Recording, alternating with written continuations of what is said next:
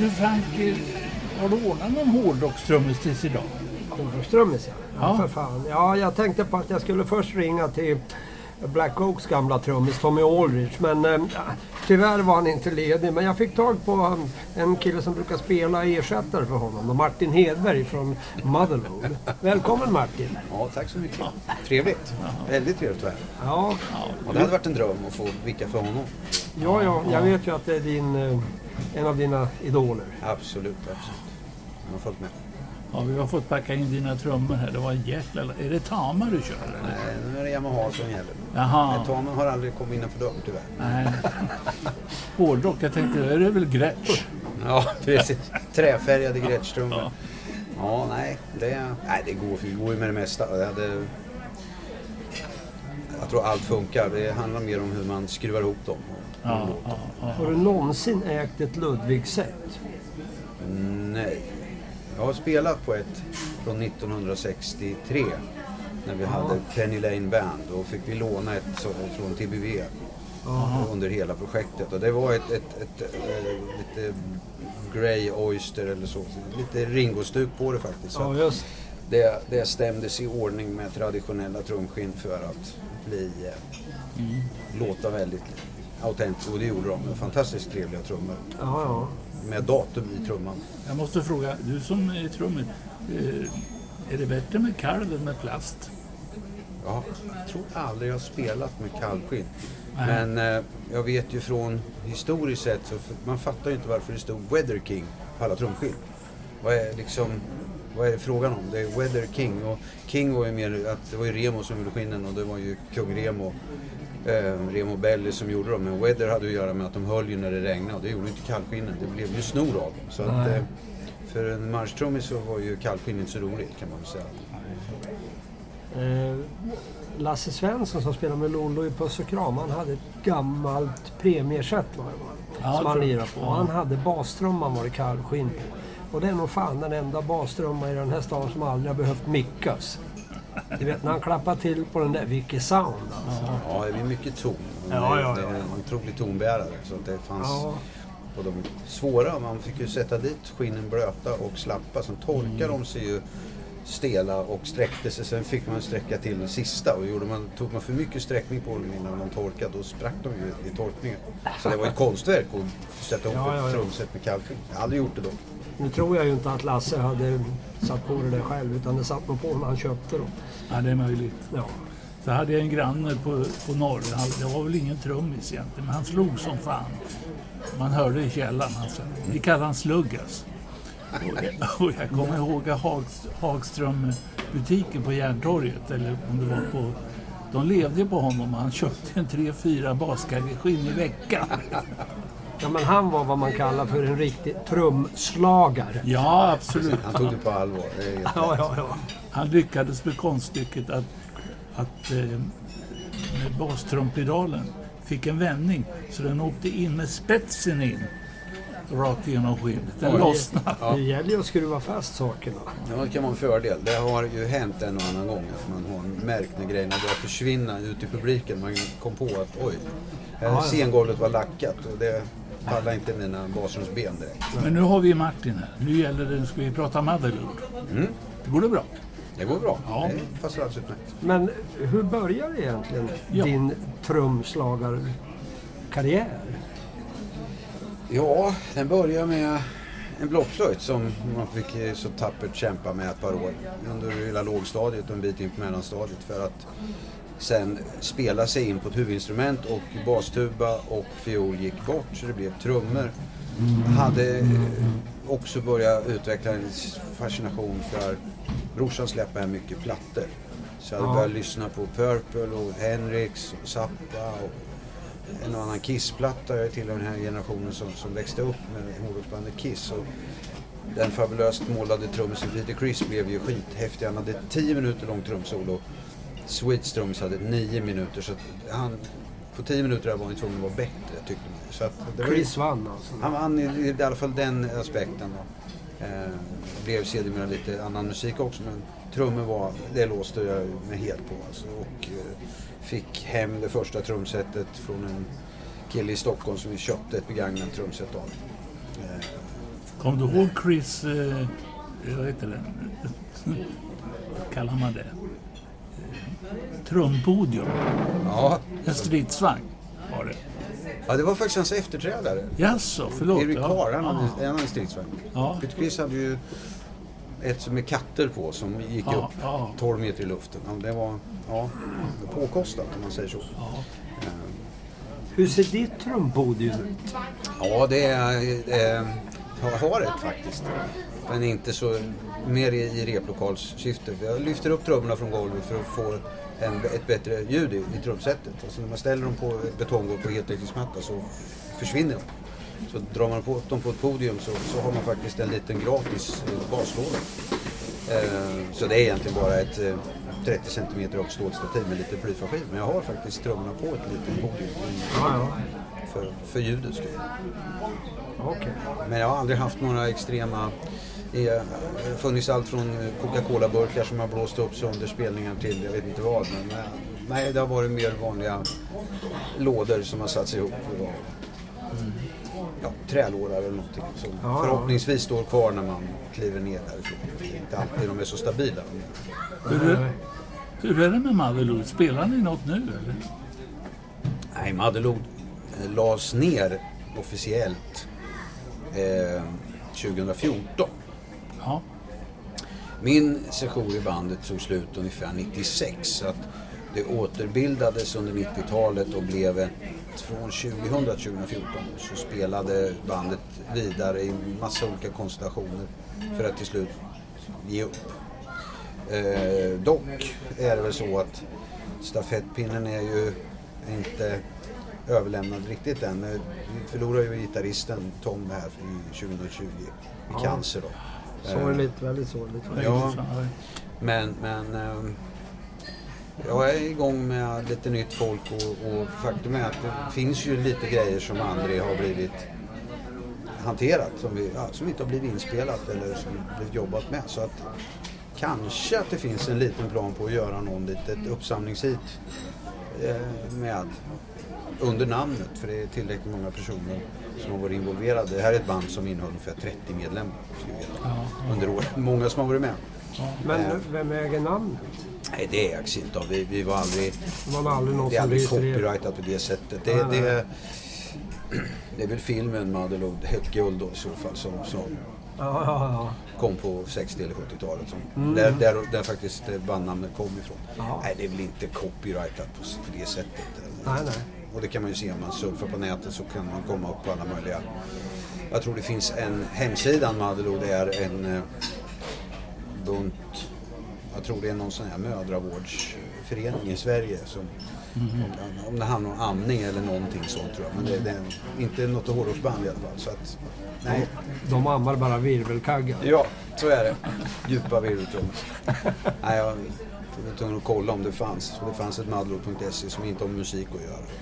Ja, men vi var inne och tittade och letade lite efter om vi skulle hitta några låtar med er. Mm, Och då just Motherload och då såg vi att det fanns ju massor Mm. med just det namnet. Både artister och ja... Mm.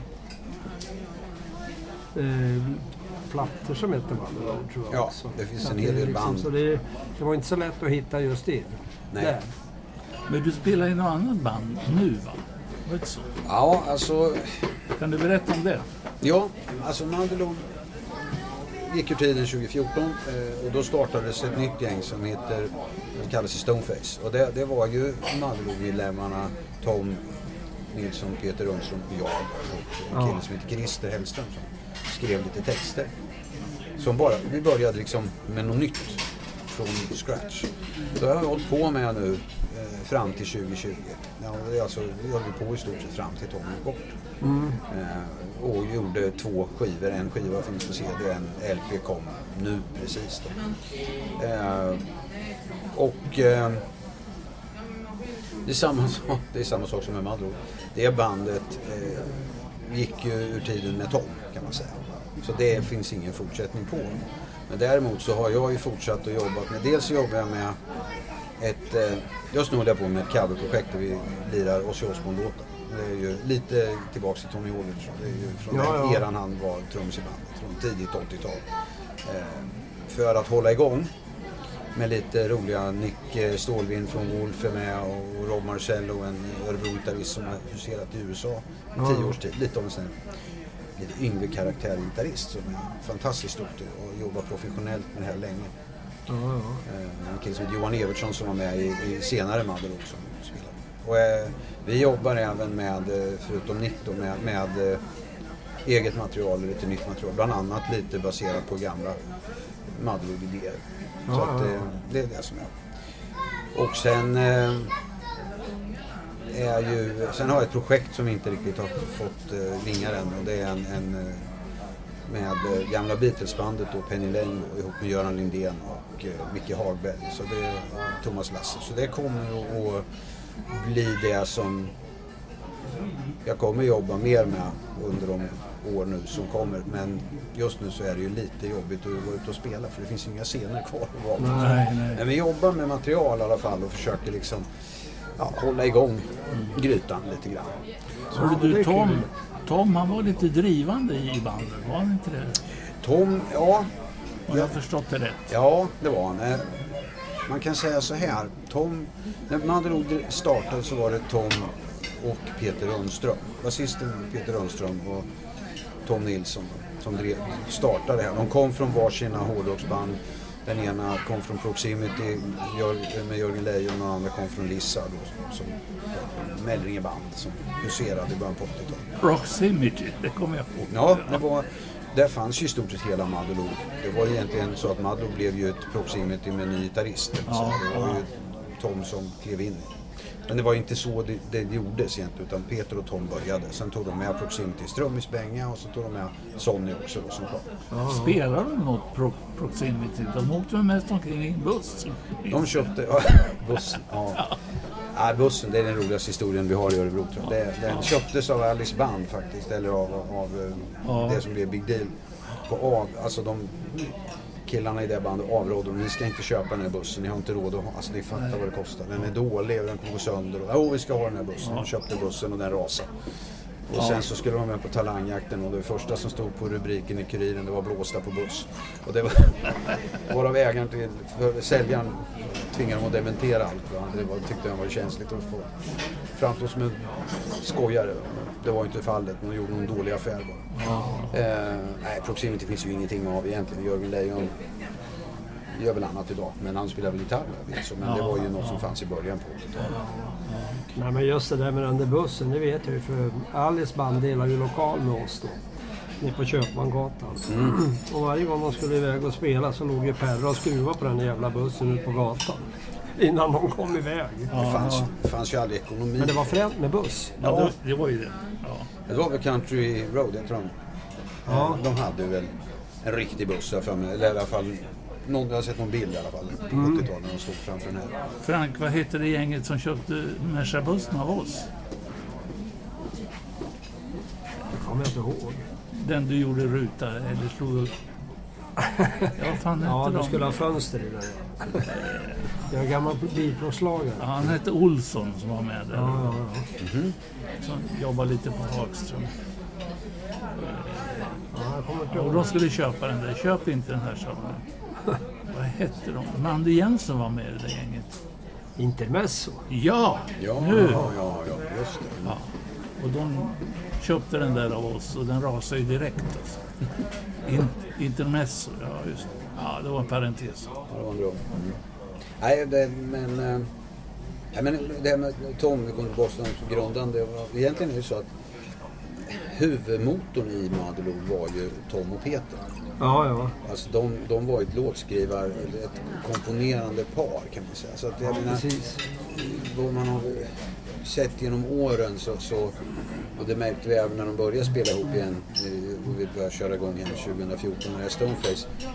Att, att det var ju en, en vänster eller högerhand som Tom behövde i sitt skapande. Han, han, han gjorde ju aldrig liksom färdiga kompositioner fullt ut med hela kittet med rytmik, arrangemang, sång och så. Han gjorde ju väldigt mycket gitarr gitarrbaserade riffen och liksom låtkonstruktioner. Han hade visionen att så här vill jag låta, ska låta.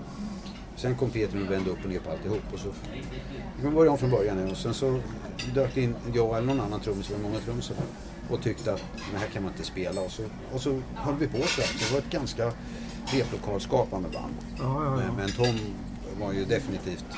Han var idésprutan och Ja, eh, alltså, Peter var mera den strukturella då. Ja, men Peter hade väldigt mycket... Han, han var ju basist med, med egentligen ett förflutet med, som violinist. Han hade ju en helt annan... Alltså han hade ju han ganska... Han spelade ju allting hemma på gitarr innan han tog ner det till, till att spela bas. Han spelade Ja, ja. ju mycket gitarr på bas. Spelade ju väldigt mycket triobaserat med mycket basgångar. Han ville ju inte bara stå och fylla ut en, en ljudmatta utan det var ju ett det var ju mycket melodiskt basspel som kom tillbaks i Stoneface. Att det liksom gick att göra det på trio utan att det lät magert på något sätt. Men om det, det, den ena kunde nog inte göra så mycket utan den andra. Om man tittar på Rem Lund som spelar mellan 2000 och 2014 låter ju helt annorlunda. Jag säger inte att det är bättre eller sämre men det, det är helt, det är en helt annat koncept på hur Ja, man ja. spelar och hur låten är arrangerad. Ja, precis. Men Tom han var väl kan man säga en musikalisk motor. Absolut. Det, det, både med riff för låtar, soloidéer, solopartier, musikaliska partier. Ja. Hela, hela den här... eh, Han hade ju oftast hela idén med sig. Sen kanske inte blev den idén när vi gick hem. Men, men ja, jag tänkte här. Och så hade han redan... Och sen hade han ett minne. Han kom ihåg allting utan till. Höll aldrig på med noter. Ville aldrig skriva ner låt, låtar på papper. Kunde spela in samma solo fyra gånger dubbat exakt likadant. Och, eh, Och det här gjorde han ända in till den sista inspelningen vi gjorde 2019 på sommaren. Så han hade ju liksom ett otroligt koll på hela sin... eh, Vad han höll på med. vad han höll på med. Ja. Han jammade. Alltså, han ville inte spela covers, han ville inte stå och jamma. Eh, ingenting sånt. Utan det handlar ju om... Han ville göra eget material och liksom, Mm. eh, få det att, att eh, bli så bra som möjligt. Så ställer ganska hårda krav på sin omgivning. Han orkar inte stå och fika i lokalen. Alltså, det är liksom... orkar inte stå och berätta jag har ingen semester, men jag skiter i det nu, vi spelar. Det kan vi ta en annan dag. Så det är liksom väldigt eh, produktiv. Fick ju alla att bli väldigt produktiva också. Det är konstigt, eh, det finns alltid en sån där rackare i varje band. En musikalisk motor. Jag har ju alltid varit det. Nej, jag skojar. Nej, Ja. men eh, någon fixar med, ja, håller musiken igång. Så finns det andra som fixar gig. Mm. Och ringer arrangörer och tjatar. Och, En sån var jag. Mm. Ja. Liksom såg till att det var någonting, lite tv och så där fixade jag också. Ja. Lite norska turnéer och norsk tv också Ja. på den tiden. Men vi, alla hade sin plats så att Ja. säga. Så är det. De ville ju inte hålla på med något som hade utanför replokalen att göra. Nej. Jag var ju mycket mer, Han var bara musik. Ja, jag var mer praktikern så. Att kunna Ja. med, med, fixa in förspelning eller vi måste ha en åka i eller liksom, vad det nu var för någonting. Mm. Han hade lite olika sidor. Så helt klart, det måste finnas en sån motor. Annars så blir det pannkaka i replokalen. Och ska det vara fem stycken som ska bestämma hur det ska låta. Nej, det är svårt. Det är Ja, nästan... det måste vara en bandleader. Ja, någonting. Ja, lite kapellmästare eller vad man än kallar det för. Men Ja, ja, precis. Det är väldigt bra uttryckt. Ja. Musikalisk motor, ja. Så är det. Ja. Vad tog Stoneface vägen? Ja, det är ju samma visa. Alltså, det här är ju... När Tom- blev ju sjuk under sista året, 19, 20, ja, under 2019. Och då var det egentligen bara, nu samlar vi ihop, vi hade redan spelat in en, ett material som, idag säger man knappt skiva, det är ju så modernt allting, men det var i alla fall tio låtar Ja. som vi då ville ha på pränt. Ja. Och fick ju med oss en, en gamla keyboardisten från Madrid, Johan Lindström hette han då, men han är chassör heter han idag. Så han satt på Gran Canaria och la på keyboard. Så kille som hette Stefan Nyqvist la på sången i Stockholm. Och det blev ett material som lades upp digitalt i mars 2020 och sen dog ju Tom i april. Sen gör man nu en, eh, han ville att det skulle bli en LP, så hans fru och en, en av medlemmarna håller på att jobba fram en begränsad upplaga på, eller den, den har kommit ut, den går att köpa. Ja, ja, ja, ja. Jag tror det finns 300 plattor att få tag på. Så den är pressad på, på vinyl då. Sen blir det ingenting egentligen mer än att vi som var bandet då, som är kvar, har ju sagt att eh, hemsidan kommer leva Eh, och, och, materialet ligger upplagt så det går det är bara ut på alla de här streamingsajterna så ligger det ju där. Ja, ja. Så det finns att lyssna på och de, det finns lite fysiska CD-plattor och det finns LP-skivor fortfarande att få tag på. Det är ungefär det som kommer hända. Eh, vi har eh, inga, alltså det, det, det, bandet går inte att göra med någon annan. Det är liksom helt, vore det, det, det handlar om tolv. Alltså, så det går inte att göra. Nej, vi, vi tar in någon annan gitarrist och kör på. Aldrig i skogen. Det är ungefär som att ta in en ersättare för Lemmy i Motorhead. Ja, typ. Det är bara att lägga ner. Det går inte. Det är omöjligt.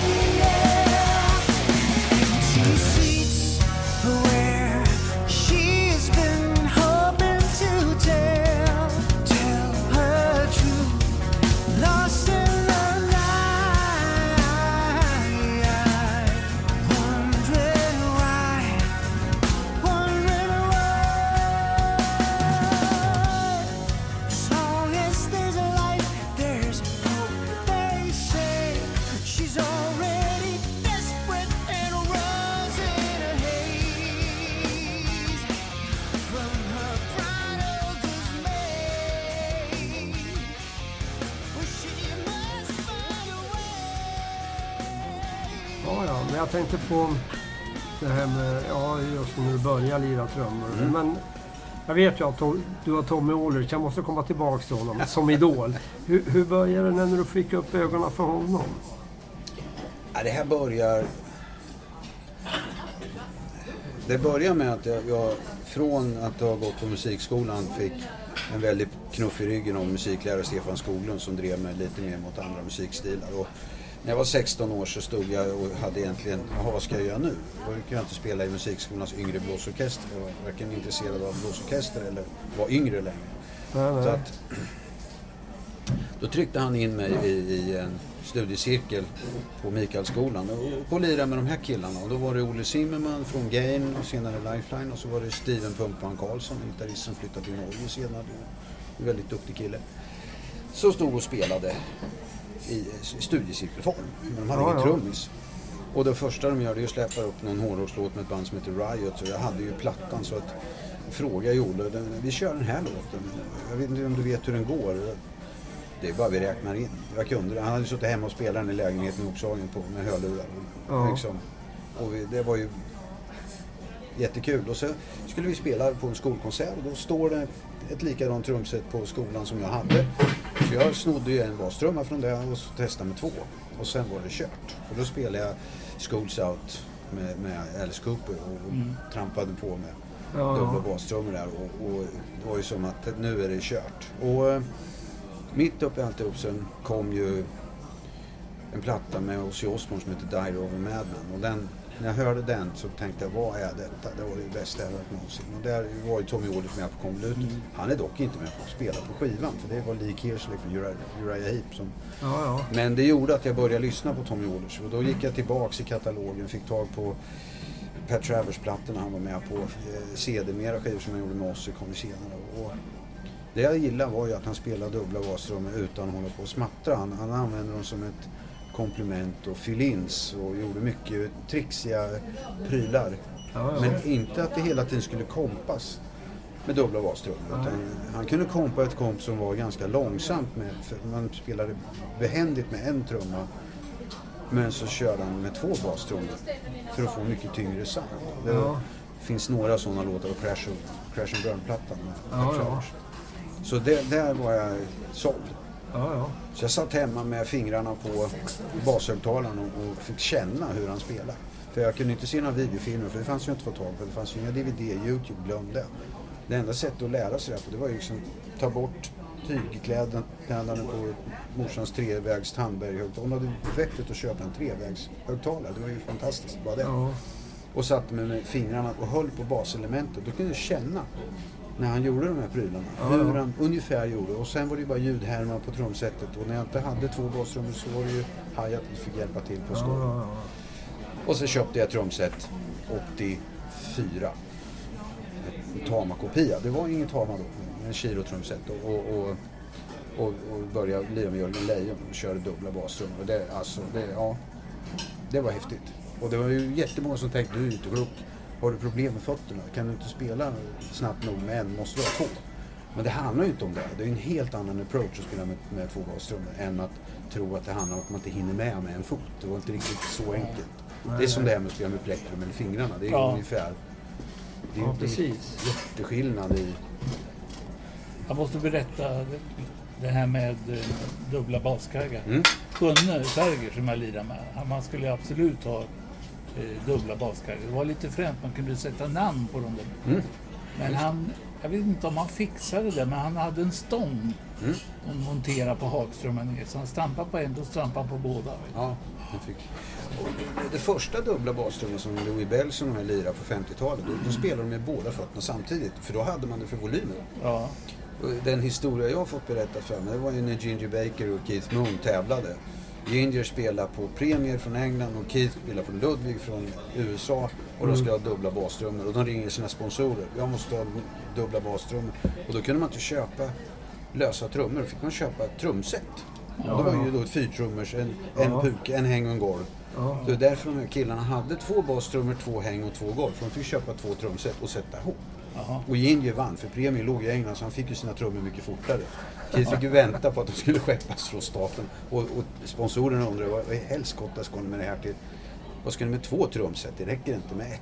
då?" Och Nu känner ju inte jag de här trummorna, jag har aldrig träffat dem, men jag har, här jag läst intervjuer. Ja, ja. Det var en ganska fascinerande historia.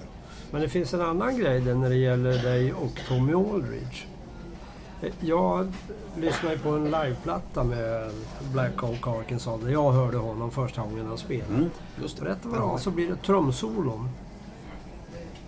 Och det låter jävligt bra. Sen rätt vad det är så försvinner liksom stockarna på något vis ljudmässigt. sett. Fick man reda på han sitter och spelar med händerna på trummorna.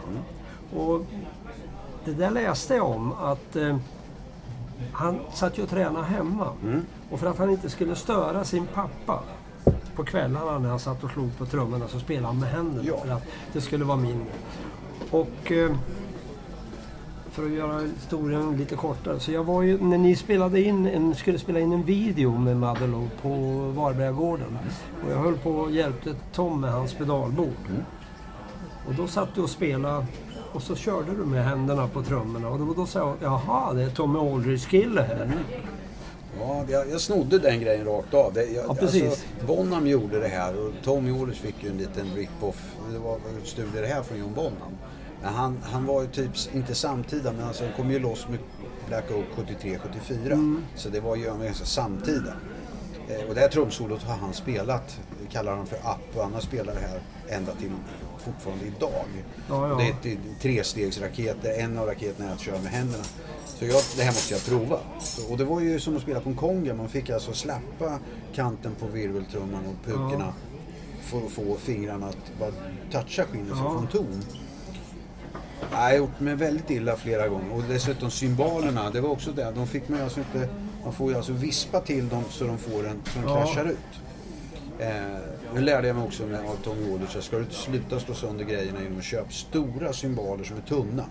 Ja. För de låter mycket, du behöver inte slå så hårt på dem, de blommar direkt. Ja. Och det var ju också väldigt lätt att spela på dem som Blommar hand. direkt, det var en kul Ja men alltså. Ja. hårdrockstrummisar trodde ju de skulle ha supertjocka symboler, heavy metal-symboler. Och de Ja. vägde ju så mycket så att för att få dem att ens explodera som en krasch. man fick ju slå, jag fick ju slå ihjäl symbolen. Och det gick de ju sönder. Ja, ja. Så att, eh, och det här gjorde ju att det blev bra handsymboler så man kunde alltså snärta till kraschen. ja, ja.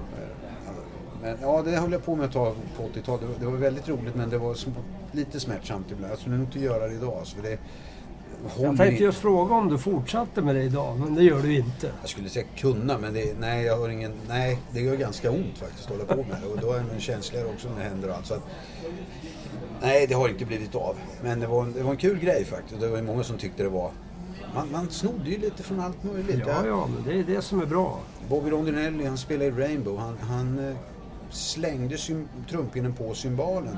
En spikrak cymbal så kom trumpinnen, studsade så och flög ut i publiken. Ja, funkar ju jättebra när trumscenen är tre meter över publiken. Jag gjorde det på Norrbygården, där är trumscenen 30 centimeter. ja. Så jag höll ju på och- det var ju tur ingen fick den i ögat. Jag gjorde samma sak. Och jag ser ju hur folk kastar sig ner i diket för att inte bli träffad med projektilen. Ja, ja, ja. Så man fick ju tänka sig för ibland. Nej, det var, nej, jag tog ganska tidigt an det här. Det var väldigt minimalistiskt på 80-talet. Man skulle ha små trummor. Pelle Lindvall satt i Electric Banana Band och det var knappt trummorna syntes på TV för de var så små. Det skulle, allt skulle vara plottrigt och jättelikt. Man skulle inte spela mycket. Nej, du, du ska bara kompa. Gör inga, inga, inga extra och sådär. Inga räkor. jag tänkte tvärtom. Det här skulle ju vara roligt. Jag, oj, han snurrar på trumpinnen. Hur gör man det? Så jag började lära mig hur man snurrar på trumpinnen. Och det är liksom sådana där grejer. Kasta trumpinnar hit och dit och spela med Ja. händerna. Och, för att, det, var, ja, men det var ju kul. Ja, ja Och, visst. ja, det var ju det det hängde. Det där har funnits förr, jag vet hårdrock. Man pratade hårdrockstrummisar, att, att det fanns eh, stockar med stålskena i för ja, men, hårdrock. Är det sant? ja, jag vet inte. Jag vet att en tillverkare hade en stålpinne i, i, i trumpinnarna. Ja. I, men det var en tillverkningspryl. Alltså, så man, man satte en, hade en stålpinne när man, när man gjorde och lackade dem och sånt där. Sen så klippte man bara av det man tog bort. Ja. Nej, det, det, alltså en hårdrockstrummis har egentligen ingenting med... Många tänker med... Jag har träffat Mickey D ett antal gånger, motortrumisen. Ja. Han slår väldigt hårt. Men det är ju väldigt kontrollerat. Men anledningen, och det ska vi gå tillbaka på en annan som slår väldigt hårt, så är faktiskt John Bonham. Ja, ja. Många spelar ju på, du köper ju John Bonham-trumset, stora trummor, jättestora storlekar, Ja. stämmer de fel och så blir det pannkaka. Han stämmer ju upp sina trummor väldigt högt. Och sen så när han slår ur på de här väldigt hårt så slår han ju helt, han slår från botten ur trumman som blir otroligt powerful. Alltså Ja, ja. otroligt tillslag och ton. Det är jättejobbigt. Jag skulle aldrig kunna spela som han för att det krävs. Alltså det, det, det ser man bara på Song Remains the Same-videon när han kör slutet på rock'n'roll. Alltså man- det bara smattrar i de här. Det är helt otroligt. Så att det handlar väldigt mycket om Välj en symbol eller en stock som har din vikt och välj ett trumskinn som håller för det du ska spela och välj symboler som funkar. Och sen handlar det om tillslag. Och det finns otroligt många pop och jazztrummisar. Buddy Rich hade ett fruktansvärt tillslag. Det, alltså, han slog inte löst. Det är bara... Såg jag på eh, Konserthuset Buddy Rich. Jag blir arg på det. Ja, men... Det Jag var såg, riktigt bra faktiskt. jag såg eh, Led Zeppelin i Kungliga Tennishallen. Och då öppnade de med rock'n'roll, precis. Ja. Och jävlar vilket tryck det var alltså. ja.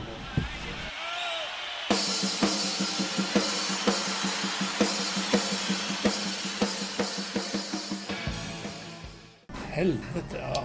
ett av de svåraste kompen och det finns många som kopierar Rosanna-kompet med Toto. Jag, jag brukar säga låt bli för det gjorde så bra original så det går inte att göra det bättre. Men det finns faktiskt en kille i stan som har lyckats, Peter Yttergren. Men, men, men annars så är det få som har gjort. Men, men just Led Zeppelin Rock'n'Roll. Ja, men det är Ja, ett av de ja, precis. häftigare intron överhuvudtaget. Och då pratar jag liksom inte bara Ja, intro på en låt. Det är dynamik och touch, halvrutten hi-hat, båda händerna spelar timing. parallellt. Timingen. Ja, det är Och så. gitarriffet. Ja, men det är av underordnad betydelse säger jag som är gitarrist. Det det- där fixar du inte. Det är bara är så. Och sen att han pe- pekar in, petar in bastrumman som accenter i kompet. Det ligger inte som en pumpande utan den kommer liksom på... Han låter egentligen händerna driva kompet och så går bastrumman in som en accent. För Ja, ja, ja. Det är, ja, Det är häftigt. lite Beatles-varning på det där. Men ett annat skönt trumkomp det är ju Van Halen med Jump. Det är Ja, klassiskt. Det är ja. inte så svårt kanske men, men Eh, roligt är det. Ja, tänker du på själva den låten eller den här när han gör den här... Eh, Jag tänker nog på låten. ja, han spelar ju en ganska... Alltså han hade ju ett otroligt fräckt trumsound. Han hade ju så otroligt skarp virveltrumma. Så den, Ja. den delades ju i musiken. Den var, framstod ju väldigt... eh, Den låg ju väldigt högt upp i mixen och som en otroligt vass liten kaka var den. Och Ja. det blev ju... I den låten framförallt, den spelar ju någon slags... De gör någon typ av halvudda taktartsbryt i, i verserna. Det gör han ju jättebra. Alltså. Leo Roth på sång. Ja, just det. det, det Ja, han, ja. han är väl radiopratare idag. Mer vild än Tom. Ja. Jag hade en kompis som spelade hårdrock. Ja, jag trodde väl det. Han slutade, han började på att spela ishockey istället. Ja, ja. Jag tänkte på, få gå tillbaks lite grann med Motherload. När ni skulle göra första plattan Mm. så vet jag att ni hade en engelsk producent. Mm. Var det via skivbolag antar jag. Och ni spelade in i Kulingstudion. I Kuringgarderoben. Mm. Nere Nej, vid Ke- studion! Ja, Var det vid kexen där nere? Ja. det var ju där man Det som måste barn var, var köpte billiga kex. Ja, ja. Kexboden hette den då. ja, ja. Proximitys första replokal. Eh, Det, det var så här faktiskt att här kom ju Dennis Karlsson in i bilden som hjälpte Madelog och manager, inte vad man ska kalla det för, men han gjorde ju väldigt mycket av det här praktiska. så. Eh, han fick ju loss via, via det skivbolaget som då var Aktiv Musik. Ja, Det var ja. Aktiv Ungdoms skivbolag. Ett, eh, han fick ju jobba på att nu får ni hjälpa till. Eh, och det gjorde de när de fick hela idén presenterad. Då, då var Kit Wolven intresserad att komma och mixa skivan. Han har jobbat med David Gilmore, Thin Lizzy, Phil Lynott också då. Han har gjort massor, han har suttit som tekniker och Tony Visconti som har kört mycket Bowie. Så han har ju varit med. Och, och Ja, det skrevs ju om det där i verket så det var ju stort. Ja visst. Och, och dessutom så kapade han in Mark Stanway på keyboard då som, som spelar keyboard i Magnum och som också har varit med i Grand Slam som var Phil Lynotts band efter Thin Lizzy. Det var, han slutade Okej. ju med Thin Lizzy och drog igång Grand Slam istället. Jaha. Vilket inte egentligen breakade på något sätt. Och man kan ju tycka det var så konstigt för Lizzys karriär var så enorm men Ja. han var ju väldigt, väldigt tungt drogmissbrukare i det här skedet så att det var ganska trasigt i hans liv egentligen. Ja, ja, ja. Men de var ju här och spelade i, i Folkparken bland annat på. Som eh, Håkan Pop Pettersson gjorde reportage om. Vi hade med det i tidigare pop med Håkan. Mm, Ja, men det. var ju, då var det Thin Lizzy han Ja, ja, men... pratade om. Ja, fast det var inte... Ja, ja. Ja, Lynott, ja. Phil Lynott, ja. När de var här så, jag tror inte de kom hit som Thin Lizzy. Men det spelar ingen roll, de var här. I stort sett alla från bandet var ju här. Ja, ja. Men Mark var med på keyboard vet jag då. Eh, jo, i alla fall Kit Wolven kommer hit. Ska in i 32 kanals studio med 2 tums bandare och grejer och så får han ju chock 16 tums band, eller heter det, 16 kanalers bord och en liten, jätteliten studio. Och han fick ju problem på en gång. Det var det 32 kanals bordet, det var ju bara 16. Och band, nej det var ju så mycket som var fel. Men han var ju bara, nej vi får ju köra på det här. Så han fixade en Betamax videobandspelare. Som ingen tyckte var bra. Det var ju egentligen den enda videobandspelaren som var bra. Det var ju digital. Men den sålde ju aldrig så men det fick han tag på en. Så spelade han in allting och så bounceade han ner allting digitalt. Och tillbaks. Så att han slapp att tappa ljud på bounce eller Ja, och spela in Och rullbandet. rull. då. Och så gjorde trummorna, lades på 14 kanaler och sen så bounceade han över dem till två och tog tillbaks dem. Och eh, jag kommer ihåg han kom in i studion och fick se mina trummor, sonorkit i, i äkta Aldridge-stuk som jag hade fått tag på. Vita dessutom. Och äh, ta bort alla underskivor. Äh, det är det värsta jag vet. Det låter ju så plonkigt. Ja, varför tycker du det? Nej, men, vem, vadå, vad, vad menar du? Vad gillar du för trummis då? Ja men Tommy Aldrich är ju jag naturligtvis, 19 år gammal. Ja. Ja, sist jag demade honom så tog han bort hade han ju demat honom med Gary Moore. Då var det ju bara liksom, ja det blir bra så. Tog han ju bort underskinnen. Ja, sen det var gjorde det, ju Tommy Aldrich. Ja, då var det ju liksom inga problem att övertala Martin Edberg. kan jag säga. Nej, så ja, vi spelade in under sex veckor eh, den här plattan då som eh, kommer heta The Sanctuary. Mm. eh, Med Keith Walker. Han, jag kommer ihåg han rökte Silk Cut, ett eh, engelskt cigarettmärke, säkert två paket om dagen. Han började med att dricka starköl men fick ändra sig ganska fort för han visste inte vad det var. Han ville ha, han ville ha öl när han höll på att jobba. Så vi köpte ju starköl till honom men han blev ju skitfull. Så fick gå över till folköl så att han kunde fortsätta jobba. Nej, han satt inte och, söp på det sättet. Men han drack gärna lite öl när han jobbade. sådär. Ja, ja. Och, och han höll på från 12 på dagen till 11 på kvällen. Sen gick vi till Apollo och, och avslutade varje kväll med lite dryck och skratta och skämta om dagen som hade varit. Det var otroligt lärorikt och han, han, eh, han lyssnade alltid på all musik på full volym. Och var, han hade begärt ett par extra stora monitorer. Så när han skulle lyssna på mix, han, det, det var så högt alltså man åkte ut genom dörren nästan. För att verkligen höra hur det lät. Det har jag tagit med mig lite när man har mixat plattor. Dra på volymen. Eh, vad menar du? Så har man smugit på lite. Nej. Alltså, och då har de knappt haft grejer. Man har ju fina monitorer, låter lite så här Ja. halvnäsigt. Men alltså, hans pryl var att ska du höra hur det låter då måste du lyssna i alla lägen. Jag vet inte om det var rätt. Men eh, Var Jonas med under hela produktionen? Ja, stackars Jonas Kuling. Han var ju den mest pedanta människa jag känner. Så han, han var ju, allting polerades ju till ja, minutiöst. Nästan Till militäriskt. vansinne. Ja, och där kommer då, vad han inte gillar var ju folk som rökte. Så han fick ju, på, när vi gick hem, då var han kvar och re, rengjorde sitt mixerbord, alla potentiometrar, allting med en tops Ja, ja. från tobak. Det var, för vi rökte ju också. Ja. När, han- när Keith Wolmer rökte, då rökte vi också. Och det var kanske inte så schysst idag, men, men vi rökte ju ner hela hans studio. Herregud, han fick väl sanera. Du röker inte idag? Nej. Förståndigt. Sedan många år tillbaka. Men, men, men nej, fy sjutton. Jag har precis pratat med Jonas Kuling Ja. i ett annat ärende. Men då kom vi in på det här med lilla studion där. Mm. Och han berättade för mig att eh, nu håller han på och digitaliserar alla inspelningar som han gjorde där. Jaha. Det håller han på och jobbar med. Ja. Så att, jag vet inte, ja det, det är väl ni också där Mm. säkert. Jag har ju kvar en tejp, en, en, en liten eh, master vet jag. Det finns en huvudmaster-tejp. Det tog ju Keith Wolver med sig, det är ju ofta producenterna gör det. Ja, ja. Det finns ju. Sen finns det mycket andra tejper. Det, jag spelade in där med, med flera olika band med Olle Zimmerman bland annat. Och, och, det- Lifeline. Lifeline. Ja, innan Lifeline. Alltså, ja. ja. Ja, innan han, han hade, de hade ett gäng som hette Gain. Ja, Ja, just det. Och det, det var Olle och Perry och två killar till. Sen breakade de av. Breakade inte men de la av. De bröt upp. Och startade, då startades Lifeline. Men innan det startade så hade Olle en liten mellanperiod. Och då, då var jag, hängde jag med och hjälpte till att lira in några låtar. Som har dykt upp tror jag på nätet lite senare. Eh, alla spelade in hos Kuling. Kuling fick ju inget betalt.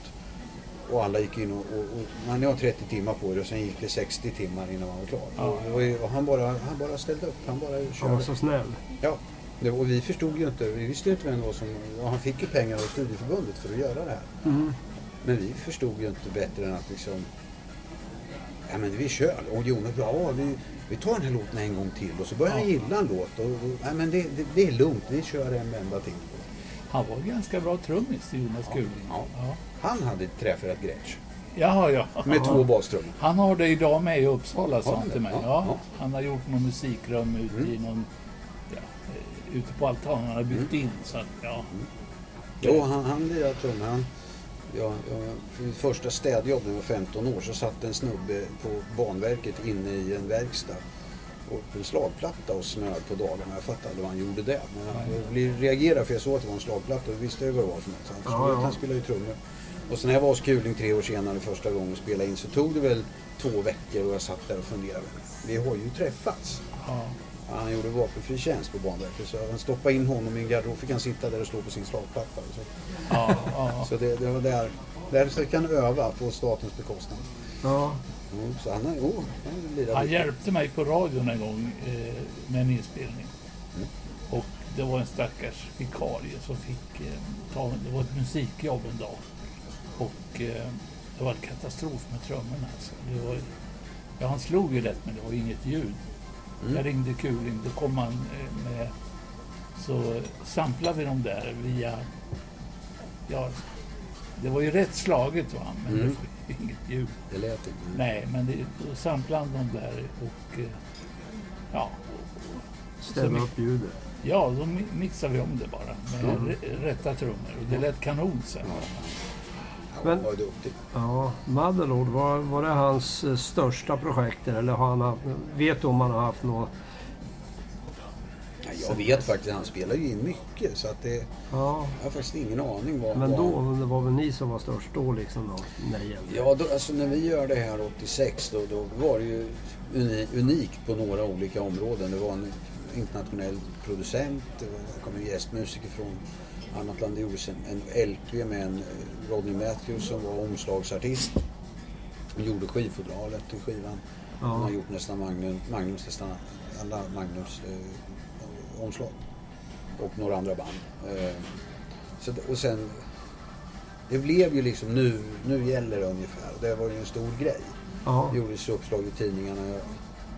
Vi var med i Expressen och vi var med i alla möjliga tidningar. Och, och, så, så det var nog, så var det nog. Och som han, dock, hans roll i det hela var ju att han blev ju tekniker. Alltså han fick sitta och hjälpa Kit med att koppla in det här och fixa mickar till det där. Och Mm. han, han, fick, han rattar ju ingenting i den Nej, nej. hade han kunnat gjort men i det här fallet så blev men det han gjorde, era, gjorde han era första trevande inspelningar? Ja, och det gjorde han väldigt bra. Han, han gjorde en demo som, som finns med på en samlingskassett där låtar från skivan finns med. Där ja. Bengt spelar trummor som är jättebra tagningar. Så att, eh, väldigt, det gjordes ju flera sådana tagningar. Det spelades ju även in på Sonett Studios så gjordes en svensk Swedish Metal samlingsskiva Ja, ja, som, som Ola Håkansson låg bakom. okej. Som trevande försök då. Men, men, eh, det, Nu, ja. nu har vi en viktig sak kvar. Vi har två.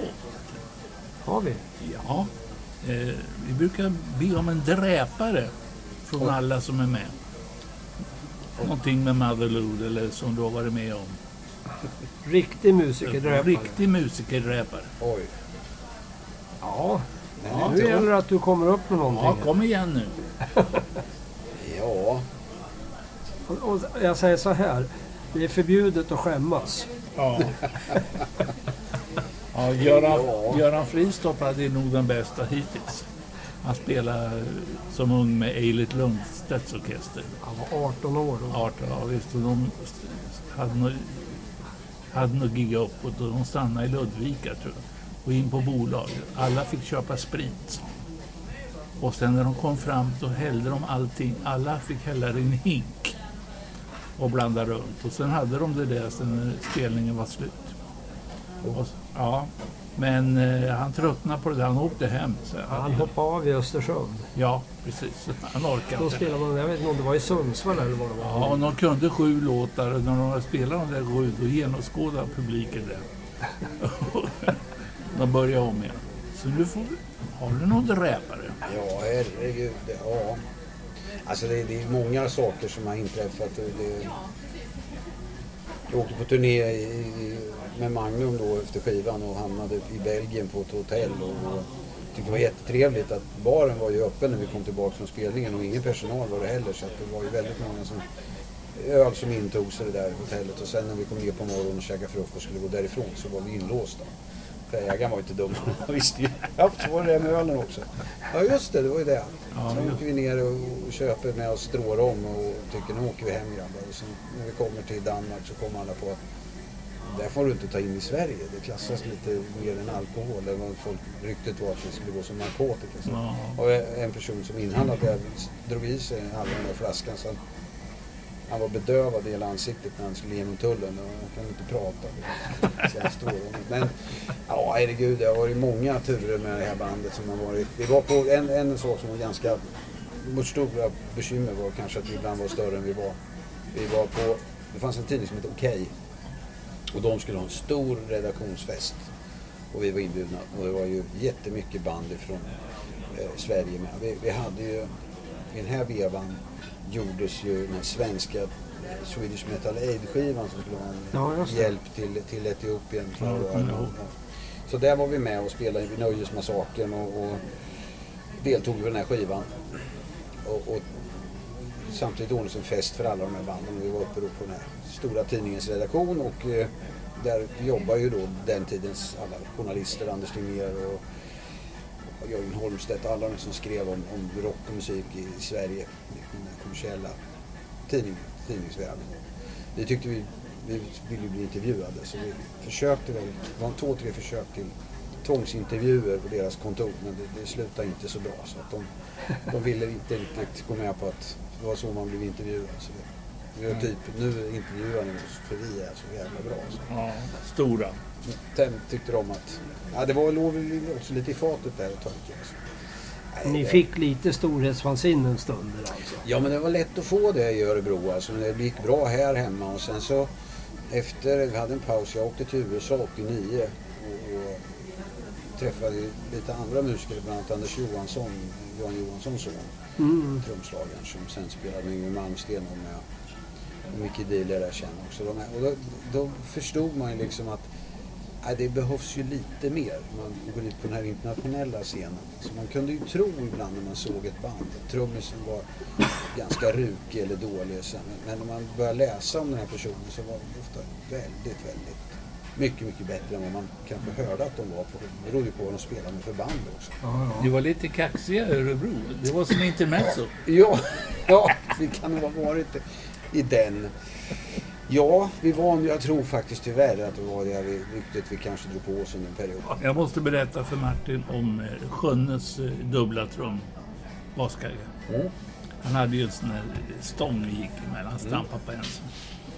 Då spelade de med Blues Quality på eh, Klocko 100. Och den ridån går ju uppåt. Va? Mm. Han har varit där och så han nitat fast eh, baskaggarna i ridån. Mina damer och herrar, Blues Quality vet du. Och då, då åkte trummorna med upp. Aj, aj, aj. Jag ser att du har en massa skivor med dig. Var det vi som skulle få dem där eller? Ja, egentligen inte. Jag får hit dem, jag vill ha dem. Ja, vad, vad, vad, vad ska du ha det här för? Ja, men jag tänkte när man fick nöjet att vara med i det här att, att, att eh, man kan ju ha en liten utlottning. Eh, och man kan ett litet svar på en liten fråga. Det, det, Ja, har du någon fråga? Ja, vi, vi kan ta upp lite grann så får du berätta vad det Vad det är. är man kan vinna här. Det, är, det här är alltså Mandeloods skiva från 87 och det här är originalplattor som aldrig någonsin har spelats. Oj, oj, Två oj. stycken LP-skivor som aldrig varit ur sitt konvolut. Kommer ifrån eh, skivbolaget. De har legat i en kartong fram till förra året. Jaha. Mint condition. Det är, Är det singlar också, sen eller? är det singlar. Det är två, de två första. eh, Det är den Ja, just det. den första singeln som kom ut. Med en låt som heter Downtown och en låt som heter Live It Out som kom ut som första Mandelord-singel, en gul sak. Och sen är det en Mandelord-singel som kom ut i samband med att vi var med på listan med Wiseman på TV. Ja, ja. Men vad fan, Sony är ju inte med här. Jo, här är sången med. Där har de. Han är, Ja, där! han är ju hårig Det där. var innan han var religiös. Nej. Han har varit Han var religiös hela tiden. lös. Ja. Ja. Eh, sen är det Stoneface CD-skiva från 2018. Som, Okej. som eh, ett gäng. Ja.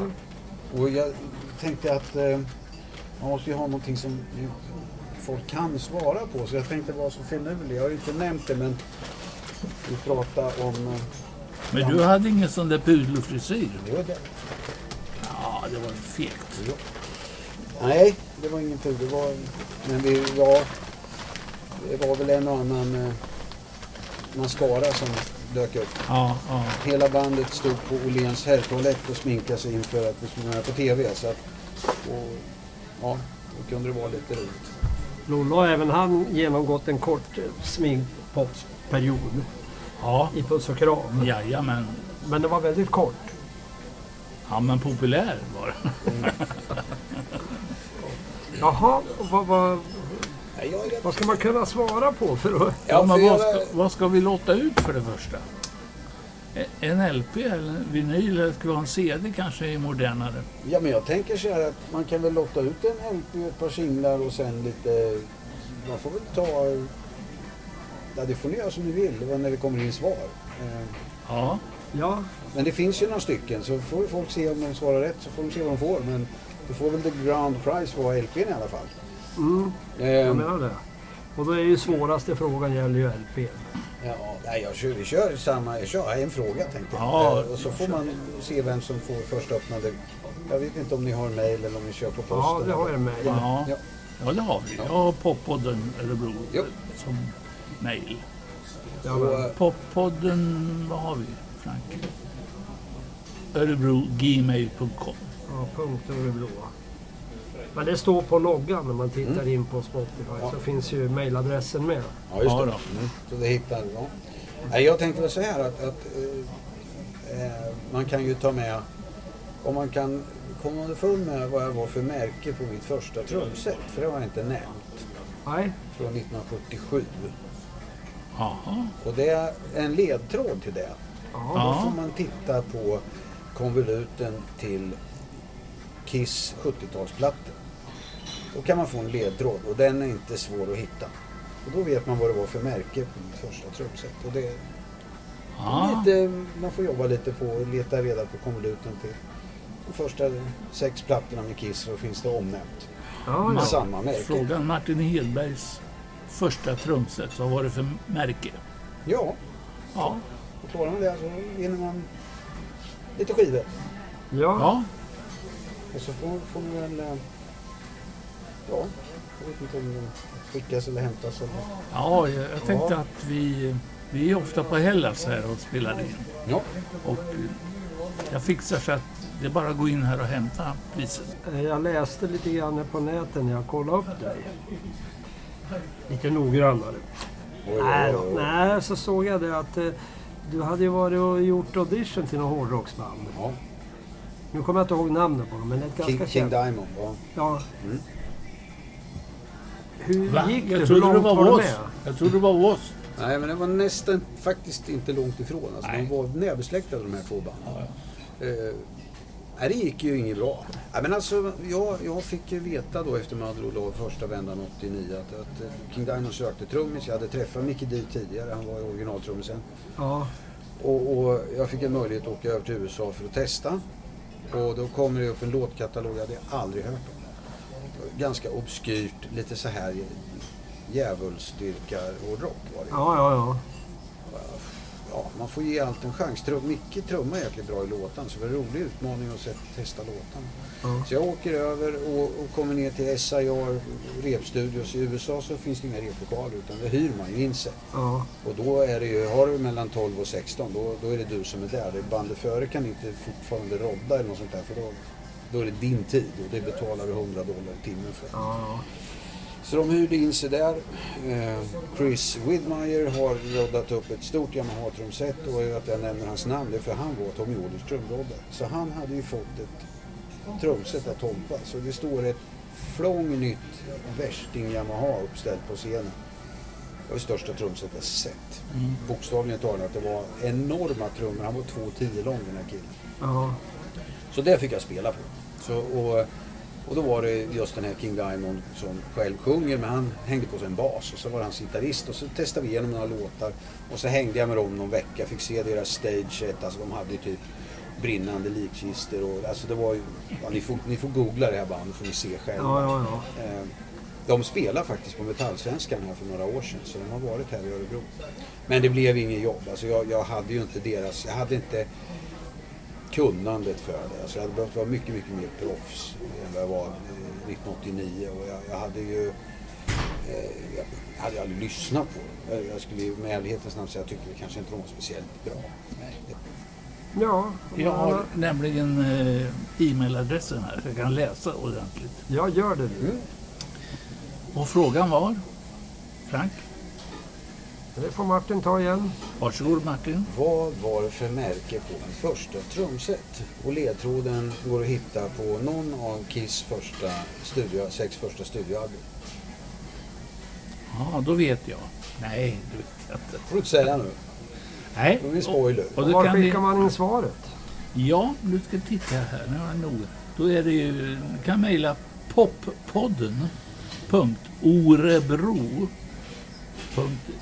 punkt orebro punkt snabel-a punkt snabel-a gmail.com Där hittar vi oss. Ja. Och då är vi ju stenhårda domare då alltså. Ja, Måste ju vara... Du får inte vara felstavat. Nej. Och gärna rätt färg. Ja, det blir några man, få. Frank, går, man in där, man kan till och med prata in någonting eh, meddelande tror jag. Ja, men då får man gå in på loggan och titta där på att Ja, man det är kan svara via Det är det jag menar. talsvar. Ja. Annars är det bara att mejla in det. ja. Jag tar det igen. Poppodden. punkt Orebro snabel-a gmail.com Martins första trumset, vad var det? Ja. Ja det låter bra. Och eh, Martin kommer väl återkomma lite grann med frågor eh, om sina trummor kanske, eller Motherload. Så finns det flera chanser att vinna skivor utav eh, hans eh, Ja, dels Motherload och så sen eh, det senaste bandet Stoneface. Jajamän. Där eh, Tom Nilsson, som numera tyvärr är bortgången, gjorde sina sista pålägg. Absolut. Ja. Väl värt att lyssna på. ja. Men nu har jag trumset står uppe här, det är Tamaset. Nu ska jag visa Martin lite, lite tricks. Nej för helvete. Nej, Jo. nej, stopp, stopp, stopp. Så nu har vi inte tid att prata längre. Nej. Han ska få en lektion. Ja, ja. Äntligen ska jag få lära mig. Så. Okej. Ja, men det var väl allt vi hade idag. Vi får tacka dig Martin för att du kom hit och ställde upp. Det var jävligt kul att höra vad du har att berätta om din karriär så Ja. länge. Jätteroligt att få komma. Det var väldigt trevligt att vara med. Min absolut första podd dessutom. Ja, ja. ja, ja. ja. Strålande. Den är liten, men populär. Ja, så de ska vara. Men det är ju gott sällskap. Vi har ju Göran Fridström, Lasse Wilander, Karin Wistrand, vad har vi med? Finn Finn Sjöberg. Staffan Ernestam var med. Jajamän. Ja, Gene, Magnus Sjögren. Gene Krupa. ja Nej, det nej. hade varit någonting. Ja, Ja. då har ni ju verkligen lyckats. ja, du är ju första trummisen. Ja, det är du. Nej, det är du ju inte, för vi hade ju Lisa. Lars. Ja, Lisa, Lars Sköld. Han, ja, han var ju trummis i Cyclones. Sen har man sedan satt på slutet satt han och lirade fagott i gammal. Den var, jävla vän. den var ju med Molly Lindberg på Kul. Maranata-gubben. Ja, visst. Ja.